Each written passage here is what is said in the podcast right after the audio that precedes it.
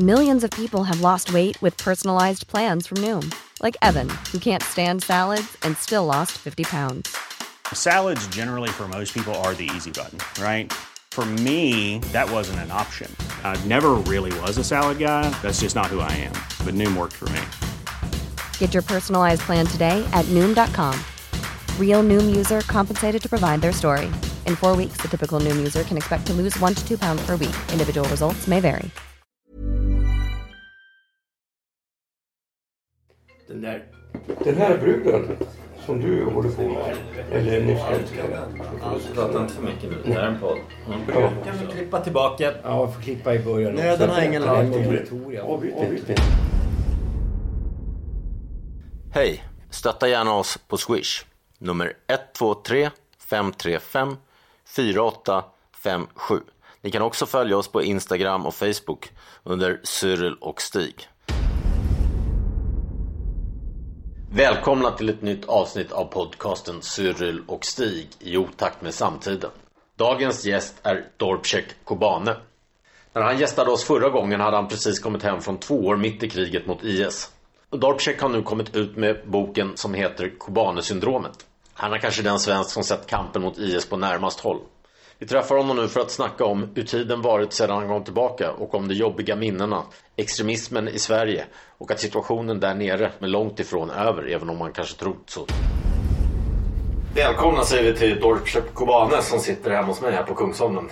Ehm, vi har ju haft dig förut här en gång Ja, eh, när du kom tillbaka från kriget. Nu är du aktuell med boken Kobane-syndromet om din tid som soldat och du var även eh, läkare där och eh, ja, du var musiker. Allt möjligt fick du inta den rollen. Kommer fram här när vi läser boken. alltså, jag, jag är fysioterapeut i grunden men när jag Ja. åkte ner dit jag åkte inte bara att kriga utan jag åkte ner för att hjälpa människor i nöd.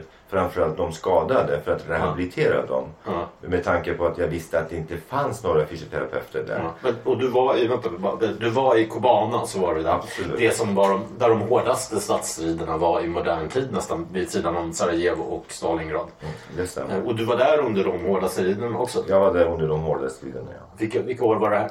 Slutet av 2014 till slutet av 2016. Och då var det alltså, det stod då mellan, det var inte Assads Det värsta- det var IS mot kurder. Ja, den värsta krigstiden det var i slutet av 2014 till eh, början på 2015. Ja. Det var de hårdaste striderna där IS attackerade. Först var det Sinjarberget och sen var det Kobane. Ja. de omringade Kobane totalt. Ja. De hade tagit över. När jag kom ner dit så hade de tagit över nästan 75% av hela staden. Ja. Och på andra sidan gränsen, eftersom det är en Ja, jag kan förklara för lyssnarna bara. Det, det, nu pratar vi om två olika sidor här där Isis och kurderna var i, i strider. Sinjar ligger på gränsen mellan Irak, alltså i, i östra Syrien. Är på gränsen mellan Irak och Syrien. Och Kobane ligger nästan vid Turkiet på västra sidan. Den ligger ju precis gränsen Turkiet. Ja, Turkiet. Ja. Men inte så långt från Libanon heller. Nej, nej, nej. Det, Libanon det är långt. Okej, okej. Det är inte alls åt Okej. det hållet. Okej. det här är gränsen Turkiet. Ganska mitt på. Ja. Alltså det är två städer egentligen Ja. som de har delat ifrån. va. På, I turkiska sidan heter den Suruc. På syriska sidan heter den Kobane. Det finns bara en järnväg emellan. Och så finns det en gränslinje, minor. Minfält så att säga. Och i Kobane kan man väl säga att där fick ju eh, IS smaka på sin egen medicin där på det sättet att de åkte på, i, i, när de tog Mosul till exempel. Då var det, då var det 20, ty- då erövrade 2000 IS 20 000 irakier på flykten. Medan i Kobane var det inte tvärtom, att det var 20 000 IS mot 2000 kurder. Inte ens 2000. När jag åkte ner dit, det var ju knappt tusen personer var kvar. Ja, okej. Och de mesta var ju krigarna, var kurder, kurdiska tjejer och killar som hade bevä- beväpnat sig under YPG och YPG. Och sen fanns det ju kanske 200 stycken civila som hjälpte dem med logistik. Och så Ja. tillströmmade det kurder från Turkiet också. Och då, precis, precis som jag gjorde. Mm. Och så var det ju kurdiska ung, ungdomar, alltså 18, 19, 20-åringar Mm. som ville hjälpa till att bekämpa IS och Kobani. Och de sprang Mm. in genom gränsen Turkiet under faktiskt, faktiskt turkisk militär beskjutning. Vilket jag blev på samma sätt. Innan, innan vi går in på boken, en sista fråga. Eh, Kan du berätta om varför du åkte? För att du lämnade ett ganska tryggt väl inrutat familjeliv här i Stockholm där du jobbade som fysioterapeut på, på Karolinska sjukhus. Och du har familj och barn här Ja, i det Stockholm. stämmer. Vad fick du ta det steget och, och hur, hanter, hur, hur tog din familj där? Ja. Jag kan ju bara säga i början att jag själv är ensamkommande flyktingbarn 1980 som en 13-åring. Och att tänka på Från Kurdistan, vilket land? Turkiet. Turkiet, ja. Och då var det ju inbördeskrig och då var det militärjuntan som kom september kanske Stig, du kommer ihåg Ja, det. Och eh, pappa var försvunnen. Vi visste inte var han var. Mina farbröder blev mördade. Han var stjärnadvokat i Turkiet. Välkänd den tiden. Och eh, men hamnade i Sverige. Och eh, de upplevelser och känslor som jag hade då när jag såg att IS attackerade både Sinjarberget och Kobani i slutändan. Eh, deras metoder, tortyrsmetoder, deras mördartaktik där de psykiskt de, de bränner folk i burar, de slaktar, alltså hugger av huvudet på barn, kvinnor och män.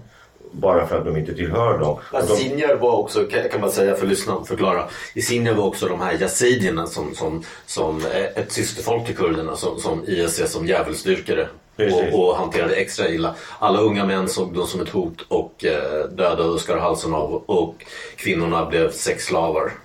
Och Tusentals kvinnor, ja. Det var som, som jag skriver i min bok Rapport från Ja. mot IS. Precis. Så våldtog man också deras kvinnor som del av ett folkmord. För de vet att fria sidor inte är tillåtet att få barn med utanför. Mm. Precis. Mm. Det stämmer. Mm. Så att eh, det som gjorde att jag bestämde att åka ner till Kobani, det var ju delvis när jag såg på deras eh, eh, inlägg på Youtube och Livelik där de slaktar människor, hugger av och gifter sig med små tjejer och, och så vidare. 5, 6, 7, 8-åriga små tjejer. 40-50-åriga killar. Och eh, deras tortyrsmetoder det gjorde att också delvis väckte upp mina barndomsupplevelser. Mm. Och jag kunde inte sova längre. Jag visste att folk lider där nere. Framförallt under ett krig. Det, de som lider mest det är barn och kvinnor. Eh, vilket jag kommer sen uppleva själv i, mitt i striderna i senare tillfälle då. Jag bestämde mig klart efter två, tre veckors sömnlöshet och ätstörningar att nu ska jag åka ner dit och jag ska hjälpa med, med allt jag kan. Med mitt yrke så att säga. Jag åkte inte in dit för, för att kriga. Och, eh, och den bestämde jag och jag sa aldrig till, mina, till min familj. Jag sa till min familj de sista 15 minuterna jag hade köpt en enkel biljett. För jag åker in till ett plats där alla människor vill fly för det är krig. Jag visste att jag kan bli dödad där. Och Jag visste att jag kommer aldrig kunna se mina barn igen. Och vilket eh, deras sista blickarna f- Ja, det är väldigt bra beskrivet där när du ska ta, när du ska ta avsked av din son och sådär. Precis. På flygplatsen. Ja. Och de blickarna faktiskt följde mig de kommande två åren. Men jag bestämde och jag gjorde rätt. Jag har inte ångrat mig. Och jag tycker att alla människor borde åtminstone åka ner till sådana ställen och hjälpa människor åtminstone några veckor. Med det de kan. För då tror jag att de skulle förändras till ett helt annan människa. Till en mer positiv människa. än Jo, det, det är det som man slås av när man läser boken. Att, att det, alltså det, det är fruktansvärda beskrivningar av det som händer. Det går inte, man är inte alls... Man är ganska illa berörd av det. Men samtidigt så finns det ju i den gemenskap som uppstår med människor som är utsatta. Va? Så finns det någon form av helt enkelt godhet som uppstår. När du, du har ingenting annat än de här människorna runt omkring dig. Du delar med dig av allt. Va? Så det finns någonting i det som jag tror att alla bär med sig från, från en sån situation. va? Det är väldigt viktigt Stig. Eh, det såg jag också där nere. Det var, ju, det var ju inte frågan om att hur det ser ut, vilken färg du har, vilken religion du har, vilken kön du har. Om du är, vilken sexuell läggning du har. Utan det handlade om att bekämpa IS-terroristerna, extremismen, alla tillsammans. Ja, Jag, såg, alltså jag var där också för jag såg det lite så här romantiska från spanska inbördeskriget. När man samlades för, här var det så lätt att välja sida för, för, för att besegra en ond sak. Liksom. Ja. Å andra sidan, och det var, det, var väl den nyttigaste erfarenheten i hela mitt liv. Liksom, men, men det hade ju inte varit så nyttigt om jag hade överlevt. Eller om jag hade dött. Alltså, och jag Ja. var ju eldstrid och sådär. Det kunde ha gått så. Ja, Liksom. vi hade ju tur, det var ju där en hel del. Ja. Under den tiden du var där, då var jag i Kobane och jag visste att ni var ju där på vissa områdena. Och det var ju under en väldigt häftig eldstrid också. Självklart, det är ett mirakel att vi lever. Jag menar att jag lever överhuvudtaget. Ibland när jag tänker tillbaka. Du vet, jag upplever ju massvis med mardrömmar. Jag äter ju mediciner för att jag ska kunna slippa dem. Flashbacken. Det är konsekvenserna. Det är egentligen det jag försöker beskriva i boken. För att inte europeiska, våra andra mammor ska inte lida. Våra barn ska inte gå igenom det här helvetet. Krig är skit. Mm. Ja, men det, som är, det som är så tydligt är att det är så många av de där som överlever som vill dö.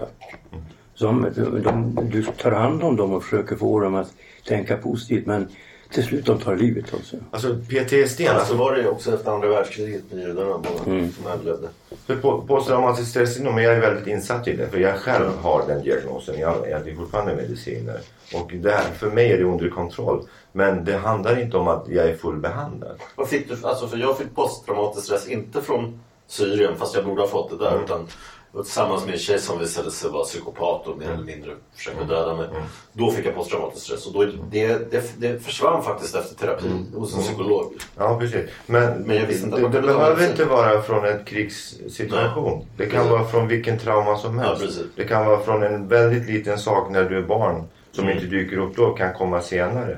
Men när det väl kommer fram och den är stark och du är isolerad, du är segregerad och du har ingen nätverk, du har ingen sysselsättning, du har ingen, fått någon behandling, mediciner. Det är då faran kommer. Jag har tur, jag är lyckligt lottad. Jag har en familj, jag har en stor nätverk, jag har sysselsättning, jag har arbete. Och jag är medveten om vad jag har. Plus det viktigaste också, jag har blottat mig. Jag pratar om det helt öppet. Vad än du frågar mig om mig och mitt privata liv, jag kommer berätta för dig. Och det här är ett också problem för de som har posttraumatiskt stressyndrom. Många av dem vågar inte tala. Och där, jag själv hade självmordstankar när jag var här. För det finns en sekvens jag har berättat i boken också som hände hemma. Och jag trodde att jag var där nere. Rädslan. Du kan gå och fråga min fru och min, min dotter och min son hur de mår. Fråga inte mig, fråga dem. Jo, det måste vara en chock för de som står där nära när de upplever att det finns någon form av ja, tomhet eller glapp. Va? Alltså rädslan för vad ska hända?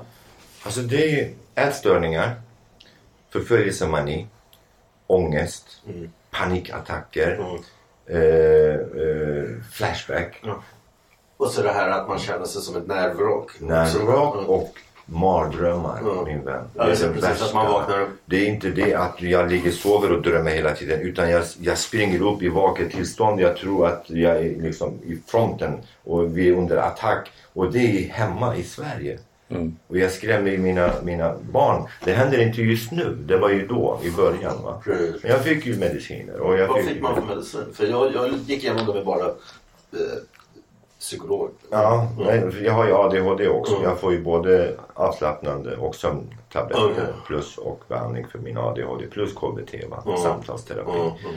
Sen och att nu, när jag pratar om det här, det är också delvis en behandling. Va? När jag blottar Mm. mig, jag öppet pratar om det. Att skriva boken med Theo, vi satt och pratade i timmar. Det, det var ju också Jag ska en säga, boken är skriven ihop med Theodor Lundgren. Ja. Uh-uh. Eh, Okej, okej. Vad- Alltså, mer frågor på boken Stig? Nej, men jag tyckte jag sträckläste den. Eh, han var så för- förvånad. Jag läste den. Klockan var två på eftermiddagen. Jag läste klart den. Jag fick den dagen innan.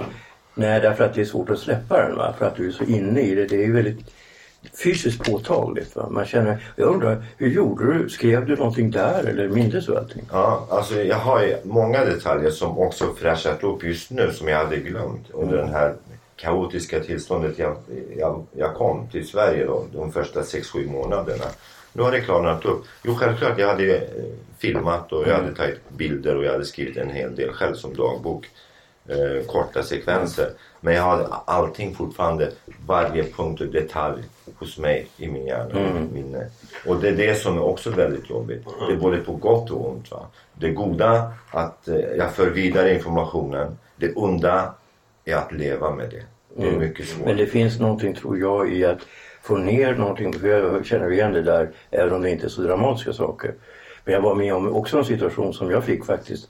Posttraumatisk stress när en kille skulle döda mig. Han slog ner mig, jag var medvetslös. Och han tog fram en stor dolk och skulle skära upp mig. Och det var så overkligt, det hände så plötsligt. Jag var helt oförberedd på det. Och sen ungefär en vecka senare fick jag börja stamma och du vet sånt där. Men alltså när jag då skrev om det där, försökte beskriva det där. Det var mycket, tog lång tid, smärtsamt. Men samtidigt var det skönt att bli av med det. För när jag hade gjort det till en text va, så var det som att jag kände också någon form av stolthet över texten. Det blev någonting, av det dåliga blev det någonting bra. Alltså i det här fallet, eh, för min del, det finns vissa sekvenser till exempel som jag inte hunnit beskriva. Jag kan inte berätta, jag kunde inte berätta allting, skriva allting i min bok. Va? För det är tusentals sekvenser där så jag får som flashbacks. Ena sekvensen till exempel. När vi fick, eh, jag var ju ansvarig läkaren då på sjukhuset och eh, militärläkaren så att säga. Och eh, då kom ju en mindre skåpbil eh, med tre, nej, eh, med, med två kropp, två eller tre kroppar var det. Två vuxna och eh, ett par barn kanske det var också. Jag kommer inte riktigt ihåg de här barnen. Eh, men då, då det, det, det också gick av skåpbilen två stycken små tjejer. Fem, sex åringar kom runt alltså. För de såg att folk pratade med mig, doktor, doktor. Och de, jag glömmer aldrig det. När den där lilla tjejen, fyra, fem, sex år maximum. Håll i mina ben, snälla doktor, snälla doktor. Låt min mamma leva. Låt min mamma leva. Och när jag ser att hennes mamma är död. Oh, shit. alltså. Jag kan få sådana som flashback också. Ja, jag förstår. Det är inte bara Ja, alltså, jag skära skrev, och ju- det är döda två och så. debattartiklar här nu om de här IS-återvändare. Men som jag skrev, alltså, det som gav mig alltså, mer traumatiskt från, från kriget det, det var ju mer än det här av kulor och raketeld några centimeter ovanför huvudet. Det som var med var storyerna från offren. Från eh, alltså, makarna som fått sina fruar och döttrar kidnappade och kvinnor som blivit våldtagna och sådär. De storyerna gav mig nog mer sådana just trauman. Nej, men absolut. Och absolut. bilder i och för sig på döda IS, det var inte så kul att se fast de var IS liksom. Nu, pratar vi om, nu pratade vi om, om mig. Mm. Vi kan ju generalisera det här. va? Vi pratar om tiotusentals, eh, miljonertals eh, flyktingar som, som flyr från sina områden. Självklart man ska hjälpa. Självklart man ska ta hand om dem. Men vi måste också vara fullt medvetna om de flesta av dem vilka problem och traumor de bär på. Och sen vilka som infiltrerar tillsammans med dem. Terrorister, extremister, Okej. salafister som är just nu ett stort problem för hela Europa. Vilka problem har de? Vilka traumor har de? Vad kan de ställa till för problem till vårt samhälle? Kommer de göra så att våra gator även här i Sverige blir otrygga? Precis som i Syrien? Frågetecken där. Jag säger ja. Om vi inte agerar. För att Nummer två, vad vet vi om PTSD? Har vi resurser? Klarar vi av att rehabilitera ens våra enkla snattare? Småkriminella? Jag har jobbat på Rättsmedicinalverket och rättspsyk. Jag vet prognosen. Vi klarar inte ens att rehabilitera vanliga kriminella. Hur ska vi rehabilitera en person som har slaktat flera personer, våldtagit små barn, varit med nekrofili och, och b- bränt människor i burar? Och så pratar du om återvändande i Jag pratar om återvändare, jag pratar om de som har varit aktiva. Jag pratar inte bara om männen, jag pratar om kvinnorna också. Deras mammorna som pratar nu på TV. Vi kommer att leva som vanligt, vi ville ha hästgård och... Gå i parken. De gjorde ett val de här kvinnorna. Helt. Alltså det finns ett litet fåtal som tack vare att Sverige till ett barnäktenskap har säkert blivit tvingade. Och sen också trafficking. Men alla kvinnor till exempel, Cecilia Uddén på Sveriges Radio intervjuade. Ingen ångrade sig till exempel. Liksom. Så de var högst medvetna. De hetsade sina män, de värvade andra kvinnor. Eh, De bestraffade andra kvinnor för sin klädsel. Vad man har hört här. Alltså jag såg en dokumentär om en kvinna gav en annan kvinna 40 piskrapp. Och sånt. Så kvinnorna är lika skyldiga. Jag pratade, jag pratade dagligen med mina vänner där, höga och höguppsatta. Det, det finns 99% av de kvinnorna, ingen av dem har sagt att de har ångrat sig. Och nummer två, de är inte där av en olyckshändelse. Nummer tre, de är faktiskt radikaliserade här i landet. Ja, ja, i våra källarmoskéer Ja. på, grund, på grund av vår integration. Och, Men jag undrar vad Europa, alltså att Sverige, att det är Sverige och Belgien, eh, där det är, alltså i förhållande till befolkningen va, så är Sverige och Belgien helt dominerande och just i Sverige Örebro en stad kommer ut. Ja, precis. Alltså, det ja, det handlar ju om att ha dåliga imaner där och en källarmoské. Alltså, den bra alltså, moskén här på Medborgarplatsen, det är ju seriös, bra Mm. moské. Liksom. Jag tror även den i Fittja är det också. Men du har de här källarmoskéerna och du hade den här i Göteborg där den här Skråmo var. Och tog massor också. Liksom. Så att, och då har hört Eskilstuna också. Alltså det är olika. Framförallt de här källarmoskéerna. Då. Ja, Och så, så är det. kommer- så är det killar som kanske är alienerade och, och så här och liksom. Man har suttit och spelat tv-spel och rökt hasch och haft dålig uppfostran. Ja, och, har ni sett den här filmen? och så Det- kommer en imam som, de får, som lurar in dem på fel spår. Ja, det finns en film som heter Det svider i mitt hjärta, en svensk film som kom 2007, 2006. Eh, som var väldigt skrämmande för att den handlar då dels om svenskar som blev islamister, som var gamla skinheads. Som hade misshandlat invandrare. Va? Och så blev de islamister. Så sen var det då, man såg, man såg bilder av hur alltså svenska imamer som hetsar barn. Alltså vi talar nu om 6 till 9-åriga pojkar som sitter och lyssnar. Och han beskriver hur de ska få komma till paradiset om de lär sig döda. Det är det de har gjort här i, i, i Syrien också med barnen. Att de har hjärntvättat barnen och ibland också låtit barnen utföra liksom mord och sånt.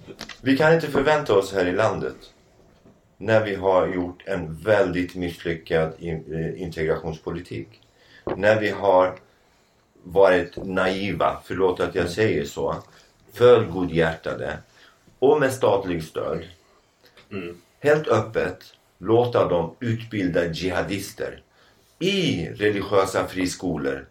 Låta små tjejer, 3, 2, 3, 4, 5, 7, 8-åringar, 10-åringar bli könsstympade. Och det här visste hela regeringen och hela svenska folket om. Vi pratar om 44 000 kvinnor som är könsstympade här. Ja, i Sverige.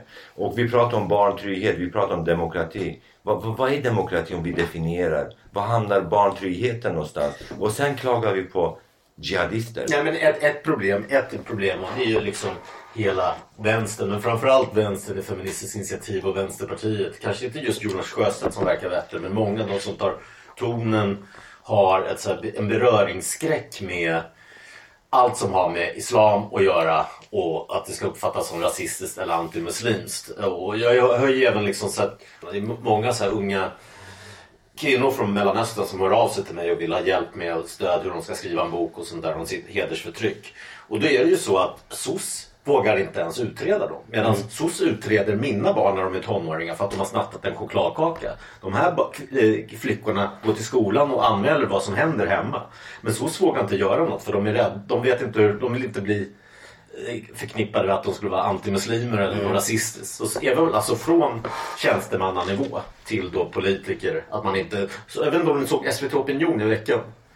Då var den här Sakine från, som är ledarskribent på Uppsala Nya Tidning. Hon var där med Gudrun Schyman. Och hon fullkomligt krossade Gudrun Schyman och hon gjorde klart det. att Ni har inte, ni, ni, både ni och Vänsterpartiet, ni förskjuter ju sådana som Amina Kakubaveh som tar upp sådana här hedersproblematikfrågor och, eller hur det är för kvinnor. Alltså 150 till 300 000 lever under hedersförtryck i Sverige. Och Gudrun Schyman, de, de är tvärtom. Att de, de, de, hon jämföra svenska män då med talibaner. Ja, visst. Men det, det blir fel om vi har koncentrerat oss på Vänsterpartiet. Det handlar inte om Vänsterpartiet. Frågar du mig, det är inte så. Utan det är alla partier. Alla partier har de lyckats infiltreras. Alla partier har utnyttjat inför mandatperioden för att få några futtiga röster från dem. De har böjt sig.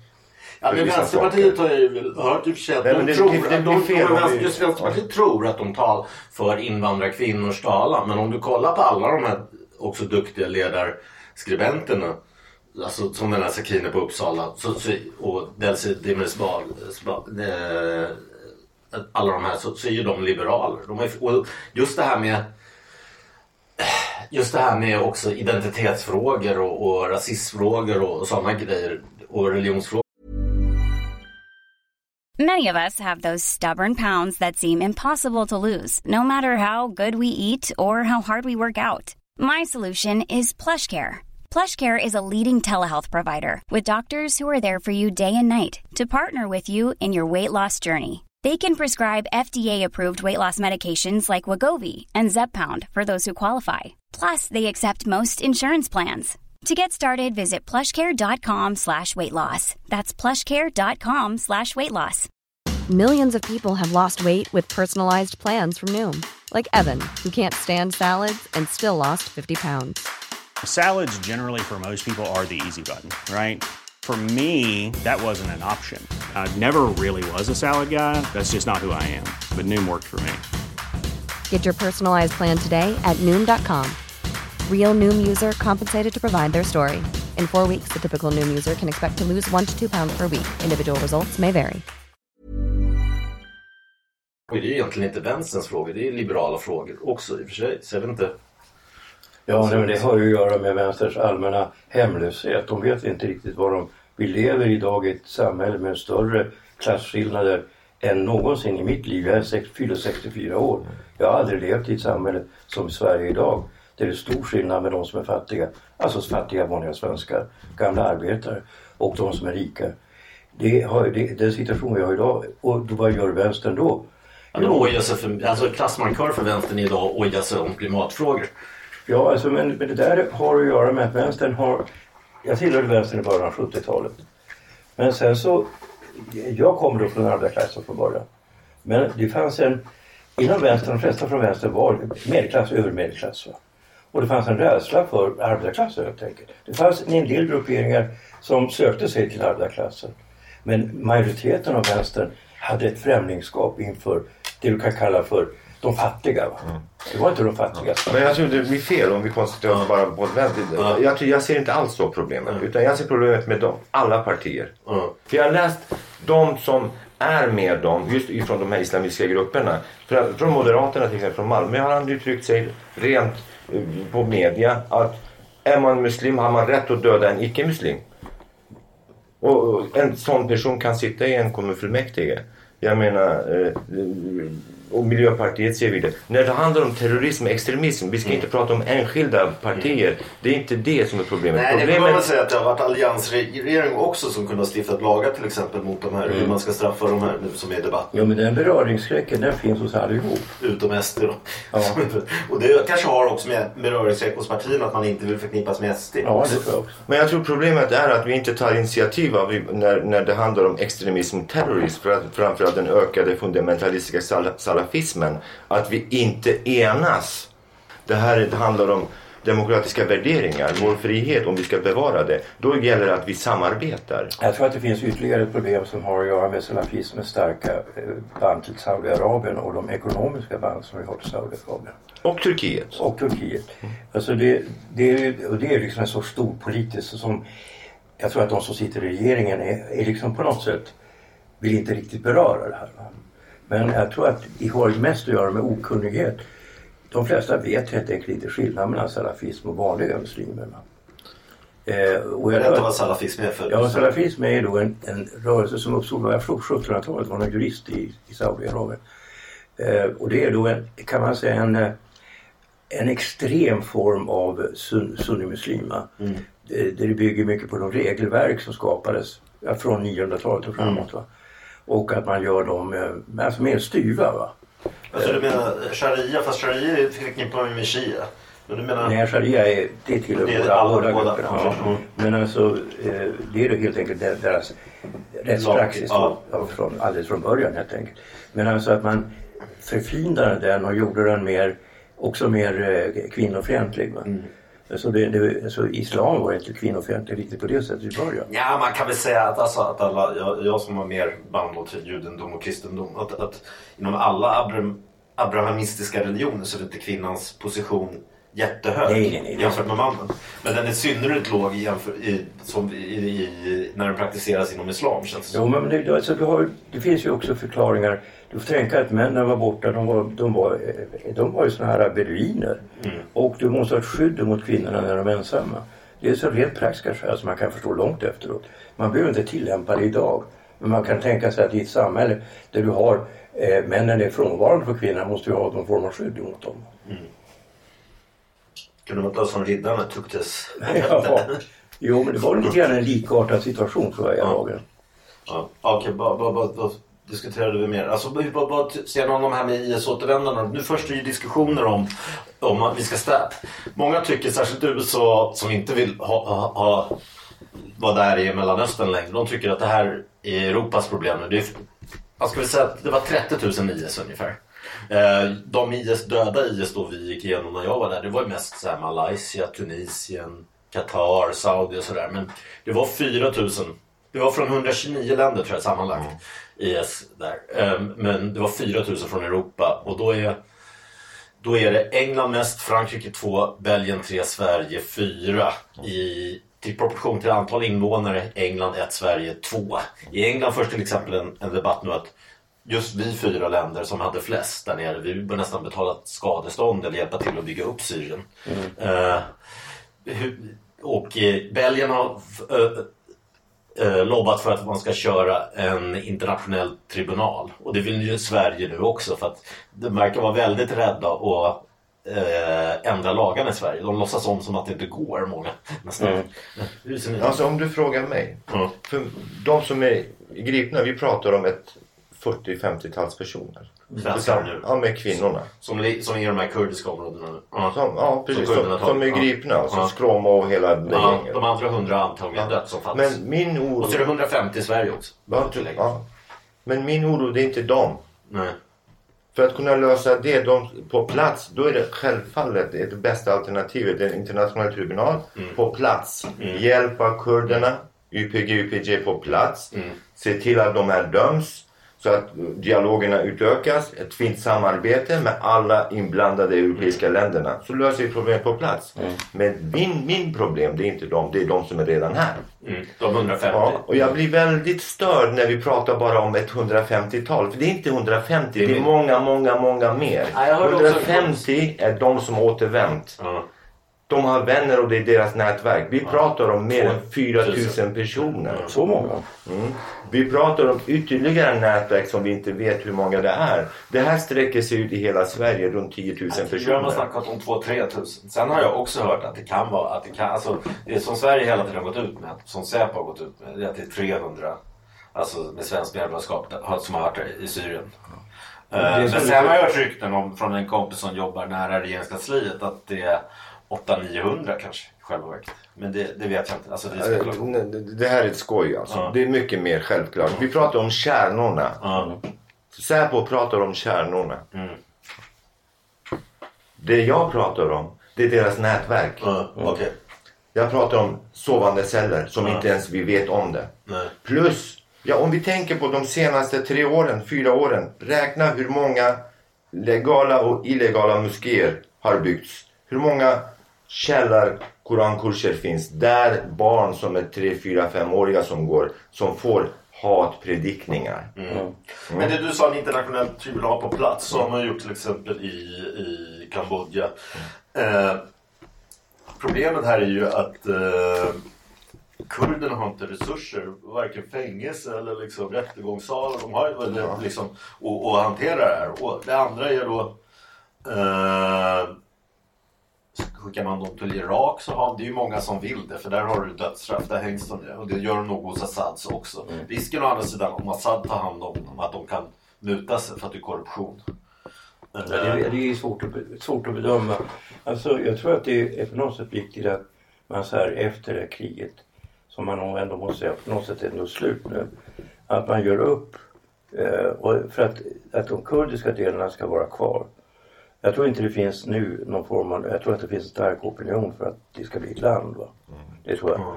Men då är det viktigt att man tittar då på exempel ifrån Europa där du har haft en, en uppdelning som där det har fungerat. Du tar då Slovenien ifrån till övriga Jugoslavien. Nu är då Slovenien, men Slovenien är alltså, det är ju inte lika stor skillnad som kurder och så, araber. Va? Men det är då en stor språklig skillnad som gjorde att de flesta som var jugoslaver de tyckte det var fel att man skulle dela upp Kroatien och Serbien så. Va? Men Slovenien är då liksom på något sätt okej. Och jag tror att det finns också i, i Syrien en, en viss gehör för att kurderna ändå ska få någon form av land. En form av självstyre. Alltså är det som kurderna har i Irak. Ja. Och att det, är, att det är på något sätt att man då skapar någon form av, trots sin historia, att man skapar någon form av samarbete över de gränserna. För man är ändå beroende, alltså logistiskt och ekonomiskt och så, av att det ska finnas en god relation i, inom den här regionen. Alltså, vi ska inte glömma att det är fortfarande ett orolig plats. Ja. Det är fortfarande ett krigszon. Det är fortfarande hotelse från Turkiet mot Rojava, där kurderna är. Här är en framtidsprojekt. Bara i området är över två miljoner kurder som lever där. Ja, vi pratar egentligen om kurder i sin helhet. Vi pratar om 40 miljoner kurder. Mm. Och det är inte en van... Utan det handlar om att göra bra dialoger med alla länder. Bra dialoger med europeiska länder. Och att vi behöver all stöd vi kan få. Mm. Självklart om vi pratar om de IS-terrorister som är infångna där. Skulle Sverige tjäna mer om de tar, tar hit dem? Än att hjälpa dem lite ekonomiskt och bilda en internationell tribunal, öka sina dialoger, fint samarbete och bedöma dem på plats. Det skulle vara mycket billigare. Plus att man skulle inte riskera svenska demokratiska värderingarna genom att ta in dem. För de är stor fara. Va? Och plus att man får ändra också lagstiftningen i grunden där man kan retroaktivt ställa dem inför rätta, de som är redan här. Det som Säpo vet om det. Ja, det kan man väl säga. Alltså det här tycker jag är konstigt. För om du kollar debatten så är väl... Jag kom in med en eh, debattartikel i Aftonbladet sen SVT och då var det ju många från vänstern som hörde av sig till mig och tyckte att ja, vad skönt att det kommer någon från vänsterns håll och säger ifrån. För så är, märker jag att både höger och vänster, alla avskyr dem IS och, och ingen vill ha dem tillbaka. Förutom att ha en liten klick av den här identitetsvänster på Södermalm som ska prata om att ja det är vårt fel och stackars kvinnor och stackars barn. Eh, men de representerar inte Sveriges vänster, helheten. Och sen har du vissa då som hade Thomas Olsson till advokat. Du har Jan Guillou är väl den journalist som är bäst juridisk kund. Igår också Alex Schulman körde det där. Att, vi, att, det, att det är motsträtt rättsstatens principer om vi går in och grunda, ändrar grundlagen. Men vad då? Man kan säga så här. Lagar görs hel, kontinuerligt nya och görs om. Grundlagen, jag, koll, jag googlade igår på internet. Grundlagen har under, under de fyraste, se, fyraste senaste åren har grundlagen ändrats tror jag, fyra, fem gånger. Så det görs hela tiden. Det där är bara blaj. Och, la, alltså, och, så, så, och man kan, det finns heller inget formellt hinder att, att skapa lagar där du straffar retroaktivt. Det är bara det att där är alla jurister ensamma att man bör undvika det. Det kan jag, det kan jag hålla med om. Men, men Ja. det här bör ses som ett undantag. Alltså, när man gör ett brott bör man gärna veta att man gör ett brott. Ja. Och ska du då följa lagen i landet så är det inte riktigt I det här fallet så är det inte riktigt det problemet. Men jag tycker principiellt man ska inte göra, eh, ändra lagen retroaktivt. Nej. Det, det är på något sätt stötande därför att just det här med att gör man ett brott måste man veta att det är Ja, precis. Men det är som lite som att som i England, eh, där, där förs ju samma diskussion.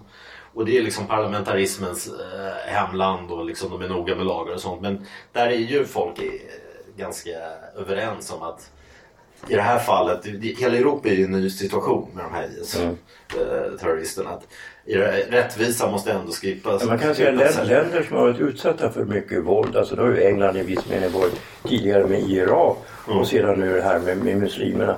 Då har ju varit mer, mer attentat i England. Va? Så är, där är det ju så att befolkningen har inte mycket tålamod med terrorism. Det är samma sak i Spanien. Jag har ju varit mycket i Spanien, jag var med en spansk tjej 80-talet. Och alltså attityden mot ETA, eh, alltså som spränger bomber i Spanien. Den är inte, det är inte många i Spanien som gillar dem. Att- England har ju haft IRA. Ja.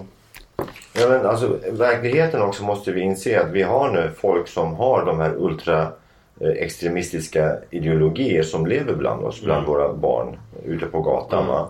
och på arbetsplatserna. Ja. Och sen också du vet eh, människor. De vet att jag är engagerad i den här frågan genom internet. De är anonyma hos mig. Jag vet vilka de är. De kontaktar mig det som händer i deras område. Jag har fått väldigt många eh, samtal där det finns en grupp som är aktiv i Stockholm. Mm. Som knackar på dörrar. Oftast är det muslimska utländska familjer de knackar på. Oftast är det utländska föreningar. Och i sina egna kretsar. Och bland dem finns det fyra till fem stycken konverterade äkta svenska kvinnor. Som heter nu islamiskt. Va? Och de pratar om umma jihad. Totalkrig. Mm. Och de försöker etablera ungdomar. Och de skrämmer kvinnor och tjejer. Mm. Ja, precis. Ja, när vi har sådana grupperingar i vårt land och som pekar ut de andra som är inte som dem som orena, ohederliga och förtjänar att dö. Och vad är det för vi förväntar oss fram, fram, i framtiden? För faktumet, vi måste ju acceptera det som har hänt och det som kommer att hända. Jag ser framtiden. Jag ser olika större klyftor mellan klassamhällen. Det måste ju också vi alla se. Alltså jag har tagit som vision när jag berättar om vad jag har varit med om. Jag vill att människor ska veta vilka de här är. Vilka vi har att göra med. Men alltså- Jag ska bara avsluta här. Mm. Jag har lyssnat på alla deras predik, predik, predikanter. Hatpredikanter. Både i Danmark, i München, i Paris och i Malmö. Det här har predikant, predikanter som åker runt hela världen. Det första de säger. We are not here to integrate. We are here to dominate. När deras demonstrationståg gick i Malmö och Köpenhamn. Det fanns inte en enda plakat på svenska eller på engelska. Bara på arabiska. Bara gröna och svarta. Kvinnorna längst bak med burka. Männen längst, längst fram. Vad är det för vi förväntar oss? Och de skriker sharia-lagar, jag vill ha sharia. Vet du vad sharia-lagar innebär? Vill du att du när du går omkring med din fru där ute eller din flickvän och hon har ingen sjal helt plötsligt någon ska dra henne och ta, slå henne 80 piskar? Eller när hon dricker en öl helt plötsligt kommer hon tar och dödar henne framför dina ögon. Ja, ja, men du har ju, du har ju sharia-lagar i Gaza. Det är ju något som till exempel Jo, eh, precis. svenska, svenska vänstern hyllar. Ja, Men vill vi, ja precis, men vill vi ha det här? Det är det de vill. Och det som jag inte kan förstå, Stig hjälp mig här i den här frågan. Jag är själv en kommande flyktingbarn från ett, ett förtryckarsystem. Jag kom hit bara för att uppleva friheten under demokratiska värderingar. Och jag anpassade mig och jag gillar det. Jag tackar svenska samhället och svenska landet. Och jag, jag gör ju den uppgift som jag, jag är... Hjälp mig nu. Ja men alltså jag förstår hur du är menar. Men jag tror att, alltså, för att ställa, jag, jag tror jag förstår din fråga. Du undrar varför är Sverige, varför reagerar de så här? Varför förstår de inte situationen? Om, Och jag, tror att- tror om att- jag avrundar Ja. bara en kort bara, förlåt mig. Jag tappade ordet där. Jag kan inte förstå, där vill jag att du hjälper Mm. mig. En som flyr ett förtryckarsystem kommer till demo, en demokrati Bland annat har de och sen, Syrien. och sen vill de bygga det system som de har flytt ifrån. Jag kan inte förstå det, hjälp mig. Mm. Ja, men jag tror att det har att göra med att här i Sverige så är vi helt oförberedda på hur vi ska hantera det. Det finns ett generellt, generellt sett så finns det ett dåligt samvete där människor som är då fattiga och själva liksom lever på marginalen ska känna dåligt samvete över de som då kanske har det ännu värre i förorter och så. Men det där, det där har då gjort att det finns en tandlöshet, en, en sorts valhänthet i hanteringen av de problem som finns. Och vilka är det som drabbas av det? Jo, det är framförallt de som själva lever i förorterna. Jag menar, de som lever i innerstan, de märker inte av de här grupperna av muslimer som bestämmer vad du ska ha för kläder. Men jag tror också det beror dels väldigt mycket, 80% av det, att vi har haft en väldigt dålig, misslyckad integrationspolitik. Det måste vi kunna erkänna. Ja, ja. Mm. Att vi har också gett tillfälle och stött de mest extrema föreningarna att kunna härja hur de vill. Man, man får faktiskt Ja, bli men alltså, min medlem. dotter är själv aktiv i Feministiskt initiativ och hon bodde ju i Husby men hon skaffade hund och var tvungen att gå ut på kvällar. Det gick ju inte. Så hon var ju tvungen att flytta därifrån direkt. Förstår du vad jag Jag förstår vad du menar? menar. Nej, men jag tror att eh, om man ska ge ett svar på det så tror jag det har att göra med aningslöshet och dåligt samvete och någon sorts beröringsskräck. För man vill inte ta i de här frågorna och det är katastrofalt. Och så länge vi inte pratar om problemen, så länge vi inte diskuterar om just de här frågorna, då kommer vi aldrig hitta någon lösning heller. Nej. Och det är därför, förlåt Cyril, jag avbryter dig igen. Ber om ursäkt för det. Det är därför sa jag att vi ska inte peka ut ett parti utan att partipolitiskt obunden, alla ska samarbeta mot extremism. Punkt slut. Det var, det vad jag tror. Vad jag Ja, ska vi inte avsluta där? Ja, om vi inte bara ska prata lite om det här vad, vad, alltså, vad, vad som ska hända med barnen. Om de ska omhändertas och de andra ska de straffas. Ja, alltså- Medborgarskap ryckas. Som, alltså, jag menar Jan Guillou och Thomas Olsson till exempel. När de pratar låter det som att Sverige har världens bästa lagar och att vi, och det, och det, vi förstör vår demokrati om vi skulle ändra någonting. Det här med mer, ta bort medborgarskap, givetvis inte om det är ett men om det är dubbelt. Eller införa ett retroaktivt straff då om inte vår, våra nuvarande lagar funkar. Men grejen är, Holland har ändrat, Danmark har ändrat, Finland har ändrat, Norge har ändrat, Tyskland har ändrat.